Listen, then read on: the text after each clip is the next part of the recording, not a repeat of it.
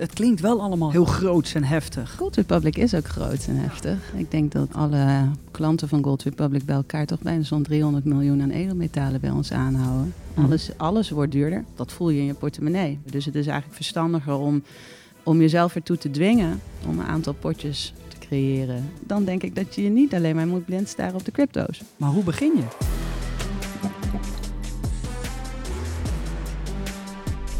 Welkom en tof dat jullie weer kijken of dus luisteren naar een nieuwe podcast van Day One.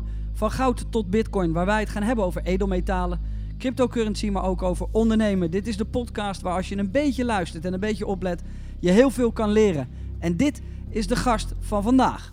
Marleen Everts, CEO van het investeringsplatform en exchange en jawel, het brein achter Gold Republic.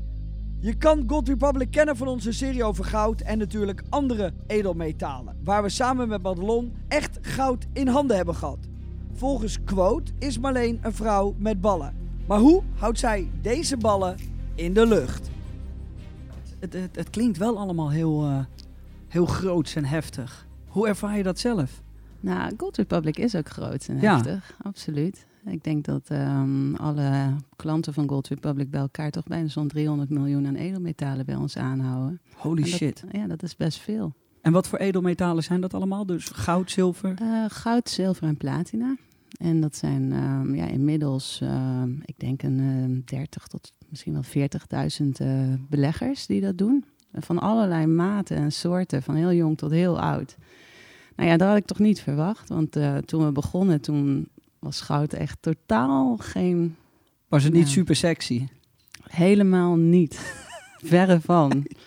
Ik werd echt voor gek uitgemaakt door mijn eh, ex-collega's van Optiver. Die hadden echt zoiets, wat gaat ze nou doen in dat fysieke goud? Wie, wie- als je dan al goud koopt, koop dan een ETF of een future of wat dan ook. Echt, eh, maar ga niet in fysiek goud beleggen. Nee, want je hebt in Amerika gewerkt, in Chicago. Ja. Toen ben je terug naar Nederland gekomen. Ja, En toen dacht je bij jezelf, ja, dit is misschien echt een hele korte versie hoor, maar ik stap in de edelmetalen, want daar is hier nog niet echt iets wat op die manier opgericht is. nou, het was eigenlijk... Ik, ik wilde zelf wat beleggen in fysiek edelmetaal. En de combinatie was ook heel eerlijk gezegd wel... ik mocht een jaar lang niet in de optiehandel werken. Dus ik mocht ook niks verhandelen wat Optiver verhandelde. En ehm, toen ben ik eerst eens gaan kijken bij de overige commodities. En nou, ik wilde sowieso zelf al wat in fysiek goud beleggen. Ik wilde graag, het was 2009, dus ehm, toch wel iets aanhouden buiten het financiële systeem. Met alles wat er toen al gebeurde en gebeurd was. En ehm, op dat moment was er geen bank meer die eh, goud verkocht. Ik kon echt alleen nog maar bij de gekke kleine goudkantoortjes terecht. Ik denk, wat is Bij dat die raar? shady dingen die naast de kebabzaak zitten. Ja, Ja. En, ehm, nou ja, en los als je, belegt in, als je belegt in goud, dan wil je ook dat op zo'n efficiënt, kostenefficiënt mogelijke manier doen. Eh nou, de opslag, professionele opslag van goud is, is ook echt wel een, eh, een vak apart. Wanneer kwam ik achter. Ehm, toen dacht ik, nou, als ik dat voor mezelf kan regelen, kan ik dat beter ook voor. eh, zullen daar vast ook andere mensen behoefte aan hebben. En eh, zo is het eigenlijk een beetje ontstaan. Dus eh, dan start je dan als ondernemer, want je komt natuurlijk bij Optiver vandaan. Ja. Ehm, daar handelde je in, of daar deden jullie in aandelen handelen? Ja, eigenlijk alles wat verhandelbaar is op de kapitaalmarkt, maar voornamelijk opties en aandelen. Ja. Precies, en dan kom je terug naar Nederland, dan stap je echt wel in de fysieke edelmetalen. Dat is iets wat, wat volgens mij best een, een, een, een moeilijke stap is als ondernemer. Dat is niet iets waar ik over na zou denken in Nee, ik heb 2009. er ook niet te veel over nagedacht. Ehm, ik zat gewoon mijn concurrentiebeding uit met het idee, na een jaar stap ik weer terug in. En eh, ondertussen moet ik wat te doen hebben. Maar ja, tien jaar later, of elf jaar later inmiddels, eh, is het toch echt een product geworden. Maar hoe, hoe, hoe wordt het ineens een product? Want ik snap dat wij eh, goud verhandelen. En dat doe ik zelf ook. Koop Ja. het bij jullie, onder andere. Ook zilver trouwens. Maar hoe maak je daar een bedrijf van, Marleen? Dat is toch niet... Dat ik, iedereen die nu zit te kijken of aan het luisteren is... die denkt bij zichzelf, ja, het is allemaal hartstikke leuk... maar Marleen heeft een, een glorieus mooi bedrijf opgezet... waar een hoop mensen hun spullen kopen. Ehm, maar hoe begin je? Nou ja, dat is een goede vraag, want het moest zo transparant mogelijk. Ik had behoefte aan een product wat iedereen snapt en wat transparant is als het gaat over risico en prijs. En als het dan gaat over risico's, groot risico binnen de goudsector, met name binnen de fysiek goudsector, is ligt het goud er wel? Ja, Nou, hoe kun je nou bewijzen dat het er ligt? Is door eigenlijk je volledige administratie open te stellen. Dus dat betekent dat wat wij zeggen, wat we verkopen, Uh, wat onze gezamenlijke klanten aanhouden aan edelmetalen en opslaan in de kluizen over de hele wereld. Dat moet aansluiten bij de kluislijsten die onafhankelijke bewaarders publiceren. Dus dat betekent dat je vanaf dag één laat zien wat er in die kluis ligt. Dus als je heel klein bent, dan is dat best wel vreemd. Dan begin je dus eigenlijk met niets. En ehm, in het begin heb je dus ook klanten die dus ervoor zorgen dat je voorraad keer of je opgeslagen hoeveelheid keer twee of keer drie of keer tien of wat dan ook gaat. En elke keer weer opnieuw moet je dat vertrouwen dus winnen. Ja, want wat Gold Republic doet, je koopt je goud in. Ja. Dat kan je ergens, dat kan je ook aanklikken op het moment dat je dat doet. Kan je, waar wil ik dat mijn goud ja, ligt? Je kunt het opslaan in, in Duitsland, in Zwitserland of in Nederland. Precies, en dat betekent, en ik heb dan een, een lijst, dat krijg ik dan, hey, dit is waar je goud ligt, zoveel heb je in goud geïnvesteerd. Ja. Maar dat goud is ook echt van mij. Als ik morgen tegen jullie zeg bij Gold Republic, ik wil graag mijn goud ophalen, dan zou dat kunnen. Sterker nog, als je nu naar de kluis toe rijdt en je, je moet daar wel een bepaalde procedure voor mhm. natuurlijk. En uh, jij hebt uh, baar nummer 1, 2, 3, 4. Uh, dan moet jij nu naar de kluis toe gaan om jouw baar daar op te kunnen halen. Holy met shit. dat specifieke nummer. Omdat Dus- je dat goud wil je wel hebben, alleen niet thuis hebben liggen natuurlijk. Ja, En jullie zijn daarvoor de tussenoplossing. wij zijn de tussenoplossing. Maar ehm, dat is eigenlijk heel, dat is nog enigszins simpel te regelen als iedereen één eigen baar heeft. Maar een professionele baar, goud, is 12,5 kilo. Nou, lees, eh, wat is het, 6,5 ton inmiddels. Ehm, dat kan niet iedereen zomaar aanhouden. Dus we hebben er ook voor gezorgd dat er meerdere mensen eigenaar kunnen worden van één baar. Nou, als er één van die eigenaren haar, zijn of haar goud verkoopt, dan verandert die hele verdeling weer. Dus dat, dat, dat is continu in beweging. Ehm, dus wij moeten altijd iedere seconde van de dag na kunnen gaan of kunnen bewijzen wie wat waar eigenaar van is en van welke specifieke baar op welke specifieke plank en welke specifieke opslaglocatie. Ja, dus dat is echt iets, je, je, koopt het, je koopt het bij jullie en dan is het dus ook echt van jou. Het enige Ja. waar jullie voor zorgen is dat je het juiste gedeelte hebt, dat je weet waar het ligt. En dat als je het op wil halen, moet je even een belletje naar Ja. jullie doen. En dan, eh, dan kun je het, als je het wil, gewoon eh, uit de kluis in, in Zwitserland halen. Ja, want daar draait het om, weet je. Dus als je, als je niet kan aantonen welke baar van jou is, en dat weten heel veel mensen niet. Als je niet weet welk nummer van jou is, is het simpelweg niet van jou. Dan, ben je, ehm, dan zit je in een pool van goud en dan heb je exposure richting de partij die jou dat goud heeft verkocht. Dus dan sta je eigenlijk, dan heb je eigenlijk een aandeel in de balans van eh, die onderneming. Bij Gold Republic is het dus echt wezenlijk anders. Je koopt het baar, de baar zelf. Je weet welk nummer het is. Dus als je een zak met suiker hebt en je weet welk korreltje suiker van jou is, dan kun je eigenaar worden, van dat korreltje suiker. Als je niet weet welk korreltje dat is, dan, dan, ja, dan Dit is zo gek, omdat ik natuurlijk ook bij jullie... Ik ben daar ingestapt mede door jullie, omdat we elkaar hebben leren kennen. Ik heb me er wat in verdiept. Het is zo, goed, zo gek om te beseffen dat... Ik koop natuurlijk crypto ook, ja, maar dat kan ik niet straks ergens ophalen. Nee. Dat kan ik niet fysiek in een kluis leggen. En desnoods, als ik in bad wil gaan liggen met al mijn crypto, dat kan ook niet. Nee, maar je kan wel je crypto op je eigen drager natuurlijk ophalen. 100 procent. En dat is wel een van de, dat is een van de grote problemen die ik nu in de cryptowereld zie. Ehm, hoe ga je, hetzelfde probleem hebben we eigenlijk ook in, in de edelmetaalwereld. Hoe ga je nou om met die opslag van die crypto?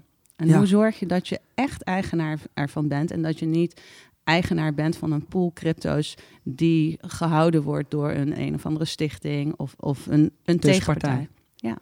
Ja, want als ik bij jullie mijn goud ophaal en ik denk morgenavond, ik ga samen met mijn vriendin en mijn aantal euro's goud samen op de bank liggen, dan kan dat. Dan kan dat. Dat is een, natuurlijk best wel een gekke gedachte, want ik... Ik zou het niet doen.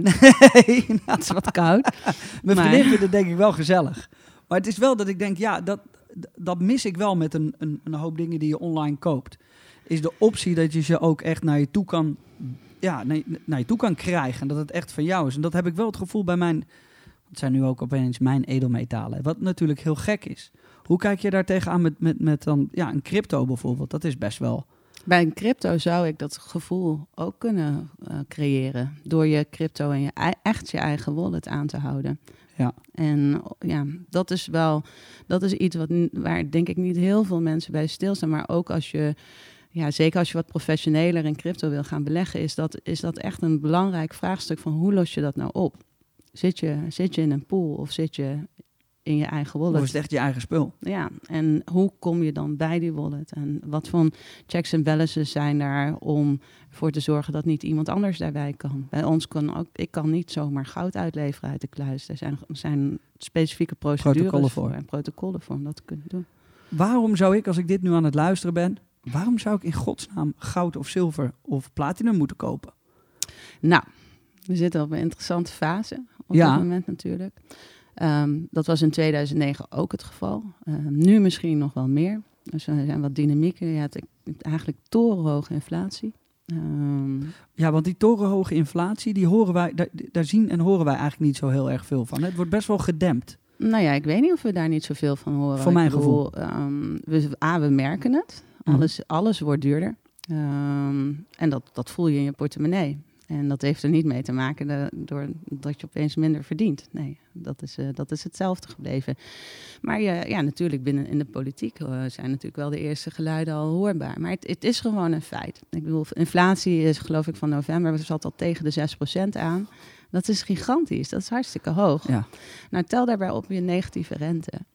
Ehm, Ja. Inmiddels ja, betaal je gewoon een half procent eh, negatieve rente. Dat is gigantisch. Dus dat kun je, dat, daar, met de rente kun je al niet meer je inflatie compenseren. Dus dat is een, dat is een bijzondere situatie. En daarnaast hebben we ook nog eens een keer, ehm, ja, gewoon wereldwijd echt een extreme tekort aan grondstoffen in zijn algemeenheid. Nou ja, al die punten bij elkaar. Ja, daar, dan moet je gaan nadenken, waar ga je nou, waar ga je nou als je vermogen hebt? Of als je een vermogen wil opbouwen, waar ga je dan in beleggen? En ik ben sowieso altijd van een gespreide portefeuille. Ehm, altijd. Van Hoe ziet die eruit? Een gespreide, eh, gespreide portefeuille? Ehm, nou, een beetje afhankelijk van je, van je eigen beleggingshorizon. Maar in feite is dat bij mij op dit moment, is dat, ehm, nou ja, ik zit vrijwel niet tot veel minder in aandelen. Ehm, ik houd goud aan, ik houd wat bit- bitcoin aan. Vastgoed, eh, al wel dat, eh, en dan wel een hele specifieke regio, lees, Amsterdam Centrum. En daarbuiten zou ik het niet aandurven. Ja, en dan, ja, wat zijn, want het punt is, wat zijn je opties? Eh vastrentende producten, ja, met, met, met, met dit soort het is eh, ook moeilijk hè, omstandigheden. tegenwoordig. Eh, cash op de bank aanhouden, dat zou ik ook niet doen. Dus ja, je zoekt echt naar harde assets. En goud is wel een product dat extreem liquide is. Dus als ik... En eh, waardevast. Als ik, en, nou ja, waardevast. Dus ehm, in principe een inflatiehedge. Dus, eh, goud wordt, eh, lijkt, het lijkt veel meer waard te worden. Maar het is gewoon in principe, ja, staat dat in, eh, in relatie tot die inflatie die natuurlijk eigenlijk alleen maar toeneemt. Maar als ik een, een, een vastgoedobject aankoop, dan kan ik dat niet per se morgen weer verkopen. Ik, ik was gisteren toevallig even naar jouw NFT-podcast aan het luisteren. Ja, als ik een NFT aankoop, dan heb ik niet zomaar liquide markt waar ik dat, waar ik dat kwijt kan. Nou, in het geval van aandelen is dat wel zo, maar daar kun je, nu wordt iedereen toch wat zenuwachtig van ja, dan hebben we de top niet eigenlijk al bereikt. Ook al heb ik, ik heb wel wat eh, spreiding richting aandelen, daar niet van hoor. Maar met goud kun je er wel 24 uur per dag uit. Ja. Er is altijd een markt, er is altijd een prijs. En Bitcoin ook. Bitcoin ook. Dus het is wel, in deze tijden vind ik het wel fijn dat als je wil, dat je snel kan beslissen en dat je snel weer een nieuw, nieuw, nieuwe beslissing kan nemen. Ja, en koop je dan je horloges omdat je het mooi vindt of is dat ook een investering? Nee, die koop ik wel echt omdat ik het mooi vind. Ja? Ja? Ja. Is dat niet iets wat je ziet als investering? Nee, zo heb ik er nooit tegen aangekeken, nee. Terwijl als je, als je kijkt, die worden ook meer waard. Die worden meer waard. Dus ergens natuurlijk heb ik daar misschien toch een gevoel voor gehad Ja. dat dat wel, ehm, dat dat wel een, eh, een handige investering was. Maar ja, een horloge. Ik denk dat, je, ik denk dat er beleggingsklassen zijn die efficiënter zijn, waar je je geld beter aan het werk kan zetten dan puur alleen een horloge. Want als je nu kijkt naar, naar de jeugd, hè, we, hebben, we maken bij Day One een hoop dingen over investeren. We hebben het over goud, we hebben het over zilver, we hebben het over NFT's, we hebben het over eh, Bitcoin. We hebben het straks nog over altcoins. Er is zo verschrikkelijk veel. Je kan er ook een beetje van in de war raken, toch? Het is, het is, het is niet zomaar iets waar je even in kan duiken en denkt. Hey. En dan heb je ook nog een, een hoop van de jeugd die denkt dat ze er even heel snel rijk mee gaan worden. Ja, ik vind het altijd ehm, interessant om te kijken van ja, waar, waar denk je nou waar de grote massa straks heen gaat? En ehm, nou, Bitcoin kunnen we nu inmiddels wel van zeggen van ja, daar, dat heeft inmiddels wel een, een, een niveau bereikt waarbij het waarbij ze eigenlijk niet meer weg te denken zijn. En als je bijvoorbeeld de NFT's pakt, ja, dat is weer heel erg prematuur en dat is nog heel erg jong. En ehm, de technologie die erachter zit en, en, en ja, de marktwerking en, en kijken hoe, hoe zich dat ontwikkelt, vind ik super interessant. Maar of dat nou, dat, dat, zie, dat schaar ik meer onder de, ja, laten we een gokje nemen, klasse, zeg maar. Ja. Dat, ehm, dat, dat, dat is wel een groot verschil. Maar wat, waarom wat ik nou zo interessant vind, is waarom hoor ik nou niemand hebben over alles wat er op het gebied van energietransitie aan het gebeuren is. Impact beleggen, ehm, stappen. Je kunt gewoon van mijlenver Ja. aanzien komen wat daar aan het gebeuren is. En dat klinkt allemaal grijs en grauw. Nee, maar als je het nou hebt over opportunities, dan denk ik dat je je niet alleen maar moet blind staren op de crypto's. Nee, want ehm, het, het, ik vind het altijd leuk om naar verschillende opties te kijken. Ik raak ook wel eens in de war van hoeveel er is. Hè? Ja. Dus, want, want je kan kijken naar auto's, zou een goede investering kunnen zijn. Horloges dus ook, maar edelmetalen, crypto. Eh, ja, er is zo verschrikkelijk veel. Ik heb, we hebben zelfs Pokémon-kaarten Ja. eh, bekeken. En dat is ook het leuke. En dat is ook het mooie. Er valt overal wel wat over te leren. Alleen, als je kijkt naar de toekomst, dan weet je dat, ehm, ja, dat de wereld moet op de een of andere manier zichzelf gaan verbeteren. Want anders eh, gaan we niet de goede kant op. En ik denk dat daar nog een hoop qua investeren, qua eh, ondernemen, echt wel een hoop valt te leren en valt, valt te doen. En dat is iets waar volgens mij jij ook je van bewust bent, want daar hebben wij het wel eens over gehad. Waarom zijn er geen portfolio's die, ja, die, eh, of jongeren die meer leren over hoe we met ons planeet om moeten gaan en dat je daar zelfs je cent in zou kunnen verdienen? Ja, en dat, dat zeg maar, dat eh, de aarde is op. Hè? Ja. Dat, is, eh, dat, is een, dat is een feit. Maar ik, het is nou niet zo dat ik nou per se zo'n heel groen hart heb of dat ik daar heel erg ehm, mee bezig ben. Maar Mhm. als ik gewoon puur kijk vanuit een be- beleggingsvisie, Waar we het over hebben. dan ja. is het eigenlijk een, een no-brainer dat daar heel veel gaat gebeuren. Dus dat vind ik, dat, dat is een van de dingen waar ik bijvoorbeeld heel erg naar kijk. en waar Maar kijk je dan naar? Ehm, ja, alles eigenlijk wat zich afspeelt rondom de energietransitie. Dat, ehm, daar, daar, ja, als je ziet wat voor stappen we moeten gaan zetten eh, als wereld, maar als we alleen al Nederland, dan heb je het over nou de komende, nou, tot eh, wat is het, 2030 zou er zo'n zo'n 20 tot 25 miljard geïnvesteerd moeten gaan worden in de energietransitie alleen al. Nou, als, dan, als je weet dat daar dus een, een, een vraag ontstaat, dan, eh, dan is dat wel nu een spannende markt om naar te kijken. Het gekke is dus dat ik ook wel dat ik ook naar crypto's heb gekeken die daar wel die daar weer eh, Ja, rekening mee houden. Dus daar ben ik dan wel. Maar Ja. daar valt dus nog een hele wijde wereld aan hele andere eh, dingen te vinden en te zien. ja en maar wat ik het leuke vind ik wel, en dat, wat jij doet, dat heb ik denk ik ook wel een beetje, is dat je, je zoekt naar dingen die je snapt. Ja. Die je kunt beredeneren. En over het algemeen, ik, en goud ben ik uiteindelijk na elf jaar achtergekomen dat dat is gewoon niet te bevatten. Hè? Want dat is heel erg gerelateerd aan geo- geopolitieke situaties, macro-economie, et cetera. Maar het is in ieder geval tastbaar voor jou. Je, je hebt die Pokémon-kaart, je snapt het. Je snapt dat er een bepaalde vraag, een bepaald aanbod bij elkaar komt. Hoe, hoe de mensen denken die achter die Pokémon-kaart zitten. Ehm, ik had laatst met iemand ehm, over, eh, die had eh, geïnvesteerd in Roblox, zo'n eh, Ja. spelletje.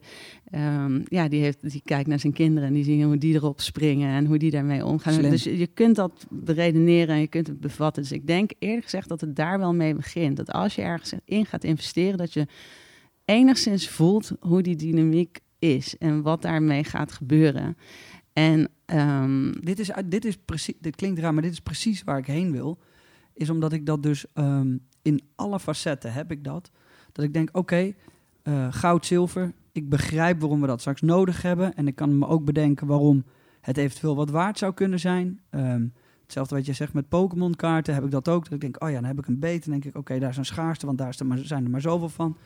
Ik hoef me niet eeuwenlang in te lezen. Roblox is een fantastisch voorbeeld van iemand die kijkt naar zijn kinderen en denkt: holy shit, dit is een nieuwe wereld. Daar moet ik zijn. Ja. En soms ligt het ook best wel dichtbij. Het, is het ligt veel dichterbij dan je denkt. En, maar wat, je hebt ook een hele grote groep mensen die belegt omdat de buurman erin belegt. Of Ja. omdat ehm, nou ja, de financiële adviseur het aanraadt. Of de eh, vermogensbeheerder of wat dan ook. Ja, dan wordt het heel gevaarlijk.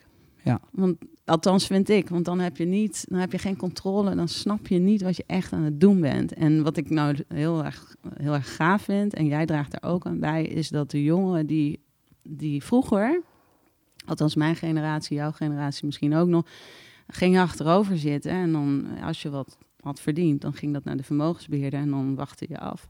En nu is het helemaal anders. Echt, echt de jongere doelgroep, die zijn aan het graven. Dat is niet normaal. Het is echt niet. Die stoppen niet. Die willen gewoon informatie en die, die nemen zoveel ownership over wat ze doen. Dus ik denk dat ook die, die hele wereld aan het veranderen is. Ik denk dat we, ehm, we hebben een veel grotere bak aan informatie wat we, wat, waar we wat mee moeten. En dan moet je op de een of andere manier moet je daar je weg in zien te vinden. Dan zul je ook wel vast allerlei tools op krijgen naar de toekomst toe. Maar dat is wel boeiend om te zien. Ja, dat is wat, ik, wat wij bij Day One denk ik ook steeds meer aan het doen zijn. Het is natuurlijk hartstikke leuk hè, om in die hele mooie Ferrari te rijden. Dat ik met Job samen ergens een keertje doorheen scheur en dat je denkt, oh, dat is een vette wagen. Maar ik denk dat de jeugd van tegenwoordig, en ook, ja, ik weet niet of ik daartoe behoor, maar in ieder geval mijn leeftijd en jonger, die willen gewoon ook weten hoe ze die Ferrari eventueel ooit zelf zouden kunnen kopen. En of dat mogelijk is. Of misschien gewoon voor jezelf kunnen zorgen of voor de centen waar je hard voor hebt gewerkt. En je ziet dat daar, ehm, daar, daar zijn steeds meer mensen in geïnteresseerd. En dan is goud een hele mooie optie. Is zilver ook een mooie optie, maar ook crypto's. Maar ik zie ook een gevaar waarin ik bijvoorbeeld bij ons op kantoor kijk. Ja, er hoeft maar één iemand iets te roepen over een crypto die aan het stijgen is. En we zijn met z'n allen daar en we kopen hem. En dat is wel iets wat ook steeds makkelijker is gegaan. Nou ja, plus je zit met z'n allen in één hele ehm, geconcentreerde categorie. Ja. Crypto's in zijn algemeenheid. Dus dan gaat het nog niet eens over die ene munt die je aankoopt. Maar als je met. Ja, dat, dat is natuurlijk ook wel iets om in rekening mee te houden. Dus het is eigenlijk verstandiger om, om jezelf ertoe te dwingen om een aantal potjes te creëren. Ehm, een paar potjes met minder risico, een paar potjes met meer risico. En afhankelijk, en potjes die je misschien wat langer vast moet zetten, en potjes die je waar je heel makkelijk en snel bij kan.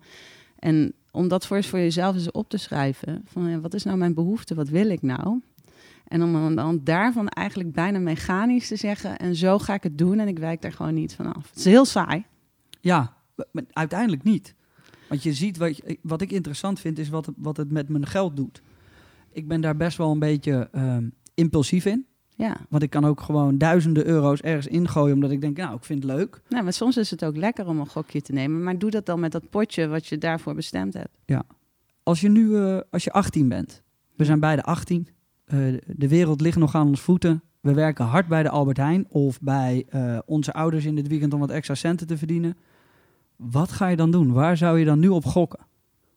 Ja, nou, daar was ik echt nog niet mee bezig toen ik 18 was. Maar toen was de wereld, ja, dat klinkt raar, maar ik, Nou, dat is echt, de wereld was echt anders. Want Ja, we toch? kregen onbeperkte studiebeurzen. We kregen, wat is het, acht keer je jaarsalaris als hypotheek. Eh, je kreeg, het, het, kon allemaal niet op. Ik sprak gisteren een, ehm, een vriendin van mijn zusje. En, op, en hier schrok ik van. Opeens wordt dus, als je nu een studieschuld hebt. En je gaat naar de bank. dan wordt die als echte schuld gezien. Ja, En krijg je dus niet meer een hypotheek. Precies. Alleen als je het niet zegt, dan is die er niet. Ja. Wat ook zo'n heel raar iets is. Maar als ze erachter komen, krijg je die hypotheek niet. ja, of je krijgt minder hypotheek. Ja. Ja, dat is. Dat, dat, dat- hè? Dat, ze hadden ooit beloofd dat dat nooit zou gaan gebeuren. Ja, En nu zitten we daar.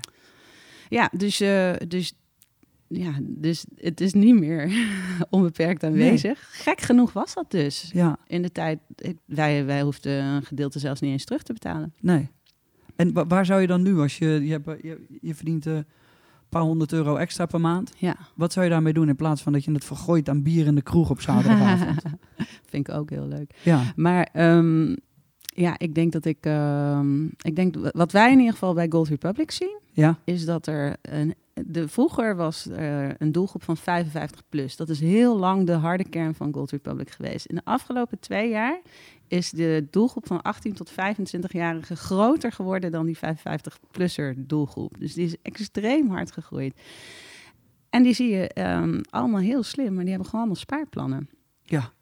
En die kopen dus iedere maand eh 100 euro, 50 euro, weet ik veel wat ze kunnen missen. En dan kopen ze goud aan en ze kijken er nooit meer naar. Nou, en ik zie dat niet alleen bij de jongeren gebeuren, ik zie dat ook veel ouderen dat voor hun kinderen doen. En ehm, ja, dat is natuurlijk dat is best wel slim. Dat is, dat is beleggen in goud. Maar hetzelfde kun je natuurlijk ook doen met bitcoins. En er zijn nog wel meer potjes waar je eh, fractioneel, dus in kleine hoeveelheden, iedere maand wat opzij kan zetten. En je zult toch zelf aan de knoppen moeten gaan zitten en gaan bepalen van ja, maar heb ik dan wel voldoende spreidingen? Heb ik dat dan wel? Het is best wel, best wel ook een beetje tegenstrijdig natuurlijk. Want we, horen, we horen heel vaak dat de jeugd het graag makkelijker en sneller wil. Maar als je potjes gaat maken en jezelf gaat verdiepen in goud, zilver, uh, bitcoin, dan moet je wel redelijke research doen. Dus het, is wel ook een soort van conflict. Waar ook uh, een, een, hoop, een, een, hoop stress en een hoop um, pijn zou kunnen ontstaan als je niet uh, oplet met wat je doet. Ja, maar het verdiepen, zeg maar, daarom, je moet het jezelf ook niet complex gaan maken, tenzij je echt wil gaan daytraden of wat mhm. dan ook. Maar um, het verdiepen in waar je in kan beleggen en welke smaken je hebt, is nou, dat is ook geen rocket science. Dat is gewoon ook even nuchter met je boerenverstand kijken. Wat het risico als ik hierin beleg? Waar kan, ik, waar kan het allemaal fout gaan? Er is ontzettend veel informatie op internet beschikbaar. Maar misschien is het best interessant om eens te kijken van... oké, stel je voor je hebt vijf potjes die je mag kiezen. Welke zijn er dan? Dus dat, dat is best, best leuk om eens naar te kijken. Nou, vijf potjes. Kom maar door.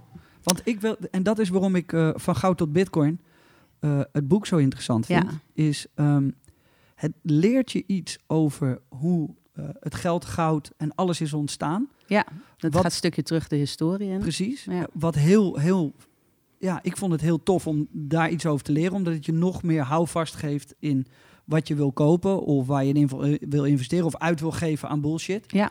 Um, en, en daarna leer je ook echt uh, wat het voor toegevoegde waarde zou kunnen hebben als je er goed over nadenkt en erin gaat beleggen. Ja. En dat is het mooie. Dat vond ik zo, zo fijn aan deze boeken, is dat het, het is een, het complete plaatje. Ja, maar het is niet alleen handig, denk ik, voor, voor beleggen in edelmetalen. Ik denk dat wat ik interessant vind aan het boek is, en dat vind ik altijd belangrijk, hè, dat, um, dat je breed moet blijven oriënteren. Het gaat een stukje terug in de historie. Ja. Uh, waar komen we vandaan?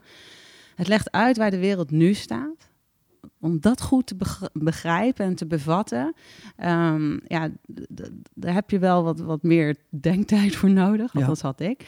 En um, daarnaast, dan pakt het de stap naar de toekomst toe. Van ja, en wat kunnen we nu verwachten? En dat is ook heel belangrijk, want je kunt wel. Ik heb eh, vanuit mijn bedrijf, vanuit Gold Republic, heb ik natuurlijk heel veel klanten die in de afgelopen tien jaar helemaal op dat goud zijn gegaan. Maar ja, ondertussen ging die aandelenmarkt ook door het dak. Ja. Dus ja, je zult toch ergens alle scenario's langs moeten gaan van wat kan er eventueel gebeuren en hoe kan die markt reageren. Nou, en dan heb je er opeens een nieuwe klasse bij, de crypto's. Die, Holy shit, die, kwamen ook uit het niks. Ja, dus je zult, je zult om die, die beslissing naar de toekomst toe goed te kunnen nemen, moet je een beetje gevoel gaan creëren van ja, waar staan we nou? Wat zijn de voorbeelden uit het verleden? Nou, en dan moet je je eigen keuzes gaan maken naar de toekomst toe. En je kan als een jong persoon kun je natuurlijk wat meer risico nemen dan iemand die 70 is en uh, ja, nog uh, wil genieten van de laatste jaren, zeg maar. Vijf potjes. Vijf potjes. Hoe zien die eruit? Als je nu vijf potjes zou mogen maken. Ja, als ik ze, als ik ze echt voor mezelf zou mogen maken. Ja, want het is, natuurlijk geen financieel advies. Dat ja. moeten we altijd even zeggen. Nou, ik zou... Um, dit zijn mijn potjes, hè? Ja. Um, die zijn nog steeds best wel geskuwd. Maar die zouden voor mij sowieso in goud, niet in zilver. Ik ben, ik ben echt goud. Um, waarom? je koopt dat goud aan met een reden, als, als hedge tegen inflatie, maar ook als het in dit geval fysiek goud uh, koop je aan voor het geval dat. Nou ja, uh, daar wil je eigenlijk niet over nadenken. Nee. mijn idee is als je dat doet, dan wil je in goud zitten en niet in zilver of een ander edelmetaal. Um, dat hoop je nooit nodig te hebben. Dus dat koop je, dat zet je weg en daar kijk je nooit meer naar om. Dat is het fysieke goud. Nou, het tweede bakje is toch wel, ik vind toch wel dat je um, wat exposure, ik zou Bitcoin kiezen, um, maar wat exposure naar de crypto's mag hebben. En het liefst de top 5 en niet alle gekkigheden die eromheen zitten. Ik zou daarvoor Bitcoin kiezen. Dus ik, ik kies voor Bitcoin als tweede bakje. Derde bakje wil ik eigenlijk. Nu wordt het interessant. Ja, um, wil ik in um, energie zitten. Kilowatturen of alles wat daarmee een relatie heeft. Eh, ik ben nu ineens zit ik met mijn hoofd daar dat ik denk, oh ja, dat is wel iets wat ik ook heel interessant zou vinden. Gewoon omdat ik weet, we weten allemaal, ik zou me namelijk voor mijn hoofd slaan als ik over vijf tot tien jaar denk bij mezelf, Ja, hier heb ik het met Marleen in, een- in een podcast over gehad. En toen dacht ik, dit was een goed idee. Ja, Had ik ook met crypto's namelijk eh, in 2017 volgens mij. Dat ik dacht, iedereen vroeg mij, ja, wat denk je van crypto? Ja, ik zeg, dat gaat het worden natuurlijk.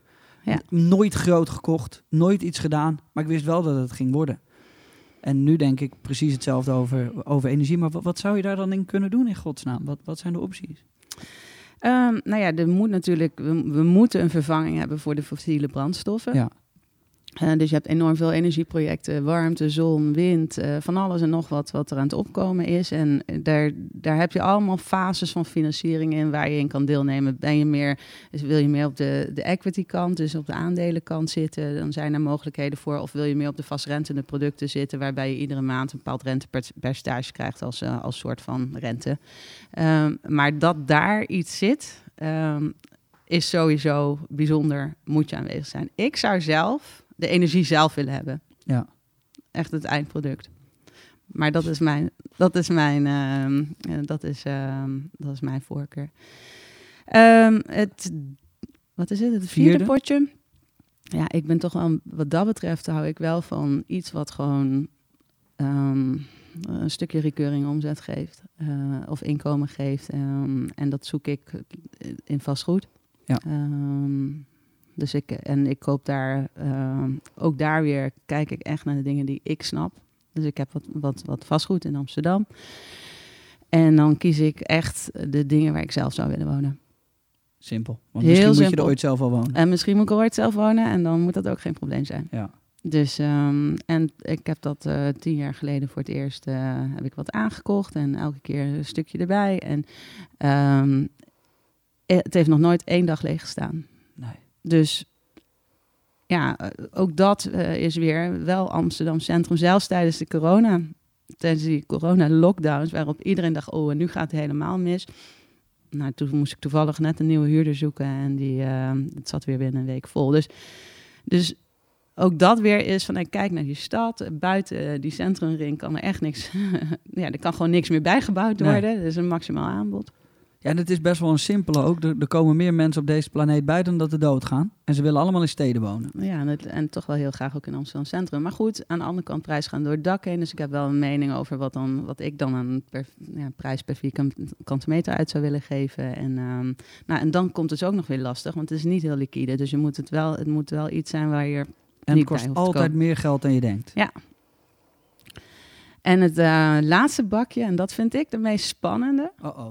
En dat is emerging technology. Dus Ja. alles wat met high-tech, deep-tech, die hoek te maken heeft. Want we moeten die klimaattransitie, we moeten, we, die wereld, dat gaat niet goed. Ehm, het gaat niet goed omdat er nu nog niks voor bedacht is om, Nee. om dat op te lossen. Nou, en in die deep tech en in die high-tech hoek, daar worden nu echt hele spannende dingen ontwikkeld. En het moeilijke is dat niemand precies weet welke oplossing nou de oplossing gaat bieden. In, en dan heb je het ook nog natuurlijk in heel veel sectoren en heel veel mogelijkheden. Maar dat daar, daar zitten volgens mij de echte groeikansen. De echte upsides, eh, waar het een tijdje terug was het fintech misschien, of eh, daarvoor was het AI, of wat dan ook. Ik vind high-tech, deep-tech, emerging technology, alles wat in die hoek zit, vind ik heel interessant. Dat zijn mijn vijf potjes. Ja, en dan hebben we over de vijf potjes. En dan denken mensen nu, wauw, ik moet die vijf potjes, daar moet ik ook bij zijn. En dat is natuurlijk, daar moet je wel, je moet weten wat je doet daar. Maar dan vind ik wel overigens dat, ehm, kijk, daarnaast ehm, zou, je, zou ik zelf altijd nog een potje aandelen aanhouden. Ja. En dan zou ik, eh, wat is het, ehm, nou, een, een, een tracker die een hele brede categorie van aandelen volgt. ja, en, en misschien wat saaie treasuries of wat dan ook. Maar daar zou ik nu ook niet in willen zitten. Dus maar goed, dit zijn mijn potjes. En ja, dan moet je wel weten waar je het over hebt. Dat klopt. Ben je wel eens teleurgesteld geweest in, in, een, in een investering waarvan je dacht, shit, dit had het wel eens kunnen worden, maar uiteindelijk toch niet? Nee. Je maar ik ben ook niet heel erg. ehm, nee, dat heb ik nooit gehad. Nee. Nee? Nee, maar ik heb wel heel veel geduld. En ik ben ook Ja. helemaal niet zo van in- en uitstappen. En ik denk daar goed over na. En als ik dan denk van ja, dit, hier, hier geloof ik in, dan ga ik dat rustig doen. En dan. Ik vind het interessant, want ik, wij hebben het namelijk, je hebt wel eens tegen mij gezegd, Jay, heb je wel eens nagedacht over eh, dat groene gedeelte? En dat heeft me eigenlijk nooit echt losgelaten. Want het moeilijke is dat ik, als ik al niet weet hoe ik daarin moet stappen en wat ik daar moet doen, ja, dan weet iedereen die dit luistert, of in ieder geval 99% weet dat ook niet. Ja. Is er dan iets wat, waar, waar we een volgende stap in moeten nemen? Dat we moeten zeggen, we gaan daar eens kijken. Dat we misschien eh, eh, zon, wind en, eh en watersectie gaan maken? Net zou als bij goud? Ja, ik zou het super boeiend vinden. Wij zijn het aan de andere kant aan het doen nu bij N-Exchange. Ja. En ehm, daar, ja, daar... Want wat doet N-Exchange even voor de mensen die, eh, die, die luisteren? N-Exchange ehm, is eigenlijk, wat mij betreft, hetzelfde als Gold Republic. Dus bij Gold Republic hebben we het mogelijk gemaakt dat mensen kunnen beleggen in goud. En fysiek goud. Want Ja. beleggen in goud kon natuurlijk wel heel makkelijk. Ehm, met N-Exchange zijn we ons aan het transformeren naar het mogelijk maken dat mensen kunnen beleggen in, in, in impact. En dan specifiek in nou ja, de laatste twee categorieën die ik eh, net noemde. En dan lijkt het net alsof ik eh, dat heb genoemd, omdat wij dat aan het doen zijn. Maar Is ik ben het zo. natuurlijk aan het doen. Ja, maar Nee, nee, dat is, dat is grappig, want Ja. ik kom nu tot die conclusie. Ehm, ik doe alleen maar wat ik zelf leuk vind en boeiend vind. En want ik moet er wel 24 uur van mijn dag insteken. En Ja. ik, ik zie gewoon dat hier wat aan het gebeuren is. En ik zie dat we daar een functie en een rol in kunnen vervullen. Nou ja, en een klein voorbeeld eh, waar we nu aan mee, eh, meewerken is waarbij we ehm, zonne-energie, de productie van zonne-energie, eigenlijk financieren op zonnecel nauwkeurig. Dus je koopt als het ware eigenlijk een mini, mini, mini fabriekje ja, wat zonne-energie uitbetaalt eigenlijk. Daar komt het op neer. Nou, en de, al die cellen kan je dus ook weer verhandelbaar maken natuurlijk in de Holy toekomst. shit. Nou, dat, dat vind ik nou een hele gaaf project om aan mee te werken. dat zijn dingen die volgens mij ook moeilijker uit te leggen zijn. Nou ja, niet als je weet dat je, je hebt de stekker nodig en er moet stroom uitkomen. En, dan, eh, en je kunt je voorstellen dat er, eh, zoals nu, alle energieprijzen schieten omhoog. Dat Niet voelen normaal. we allemaal. Mijn gas is gewoon... eh, ik durf bijna de gaskachel niet meer aan te zetten. Het kost gewoon 30 euro Ja, het is hier ook wat kouder vandaag. Dus Nee, jullie weten precies hoe het werkt hier.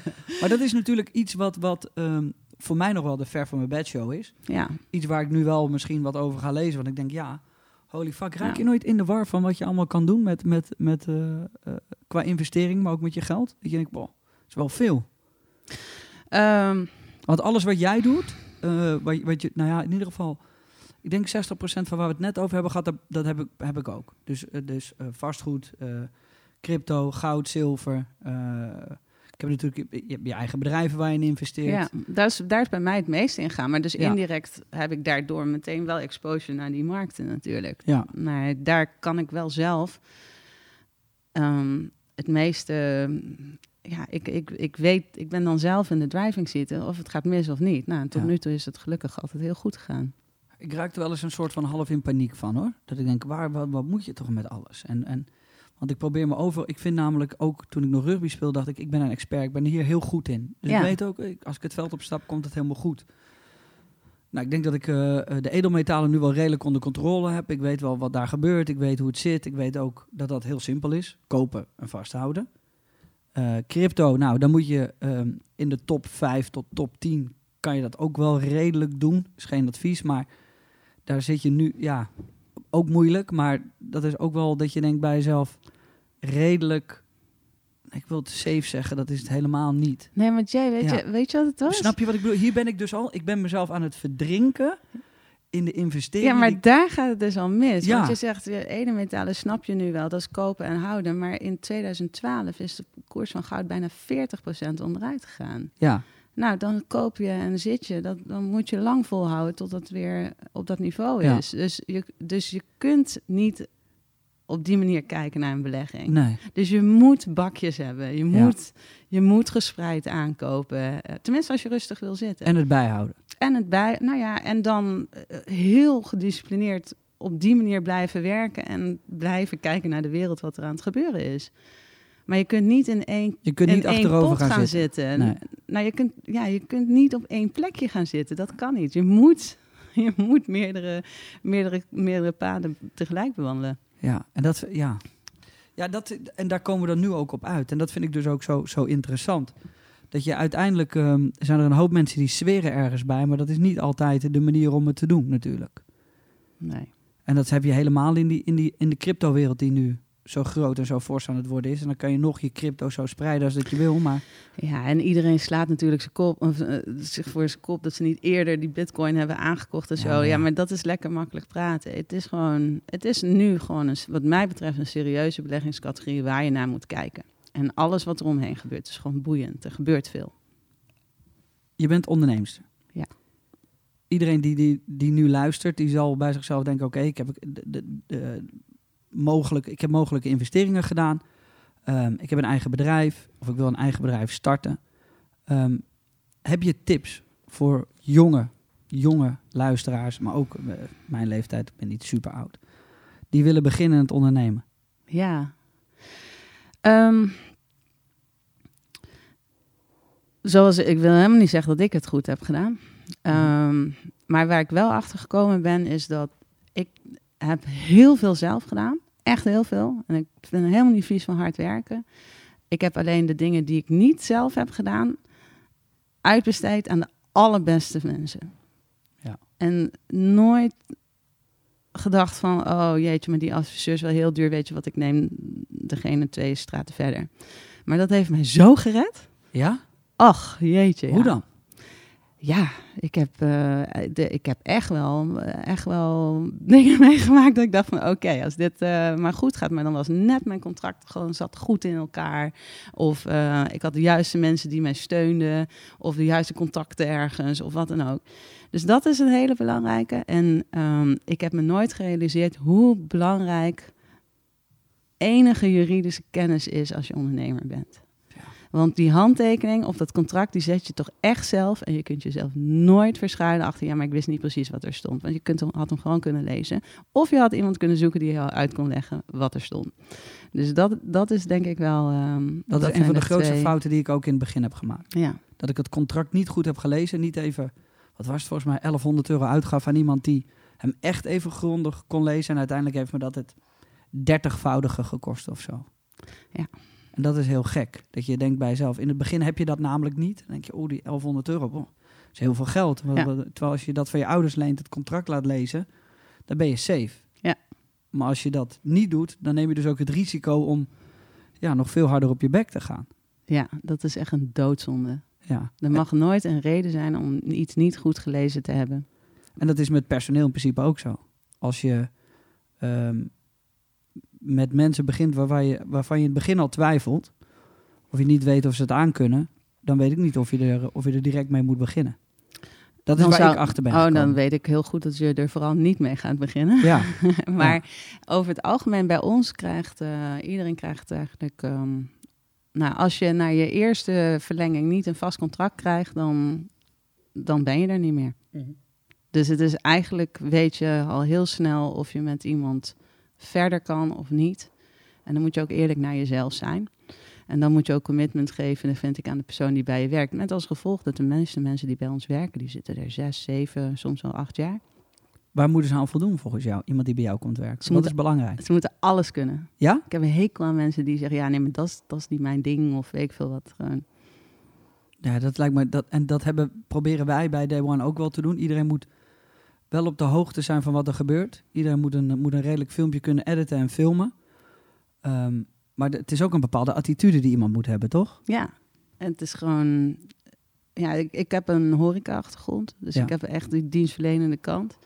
En dat vind ik heel belangrijk, dat je gewoon, dat je kijkt naar elkaar, hoe kun je elkaar helpen, hoe kun je, hoe kun je met z'n allen eigenlijk steeds, het, het draait nooit om één persoon. Iedereen is vervangbaar bij ons, inclusief ikzelf. Ehm kan morgen weg zijn, geen probleem. Nee, en dat is iets waar je, waar je ook tegenaan bent gelopen als ondernemer, neem ik aan. Of is dat meteen vanaf het begin al erin ge- gestampt, dat het op die manier moet werken? Ja. Holy shit, ik heb echt nog een lange weg te gaan, jongens. nee. Nou ja, weet ik niet, maar het, het- ik denk dat ik natuurlijk... ehm, ik denk dat ik dat heel, heel, heel fijn... Het geeft me een heel vrij gevoel. Ja. Dat ik, ik heb nooit bij iemand... Ik heb wel eens medewerkers gehad die zeiden... Ja, maar zonder mij, eh, dat wordt wel lastig voor, eh, voor jou of niet. Nou, daar, daar is de deur. Dan gaan we het zien. Ja. Daar ben ik ook wel achter gekomen. Dat uiteindelijk red je het altijd wel. Ja. Ehm, van goud tot bitcoin. Waarom is het een belangrijk boek? Nou, dus, het, heeft wel, het, is een, ehm, het heeft wat geschiedenis. Ik heb bij Gold Republic, als, je, eh, als mensen een beetje opletten... En dan zie je dat als de prijs van goud stijgt, dan staan er opeens ook heel veel mensen op. Die wat gaan vertellen over goud. Um, overigens, heel vaak in de angsthoek zitten. Wat ik gewoon niet goed vind. Ik vind dat er altijd een casus is voor goud. Ik zou zelf a- ergens tussen de 10 en de 20 procent van je cashpositie hou je in goud aan. Dat is een beetje de richtlijn die ik voor mezelf aanhoud. Maar wat dus heel gevaarlijk is, is in goud beleggen omdat je heel veel mensen hele nare dingen hoort zeggen. Want dan krijg je een beweging en dan schiet iedereen die angsthoek in, et cetera. Wat ik altijd heel erg belangrijk heb gevonden, is dat je veel meer begrijpt waarom je het doet.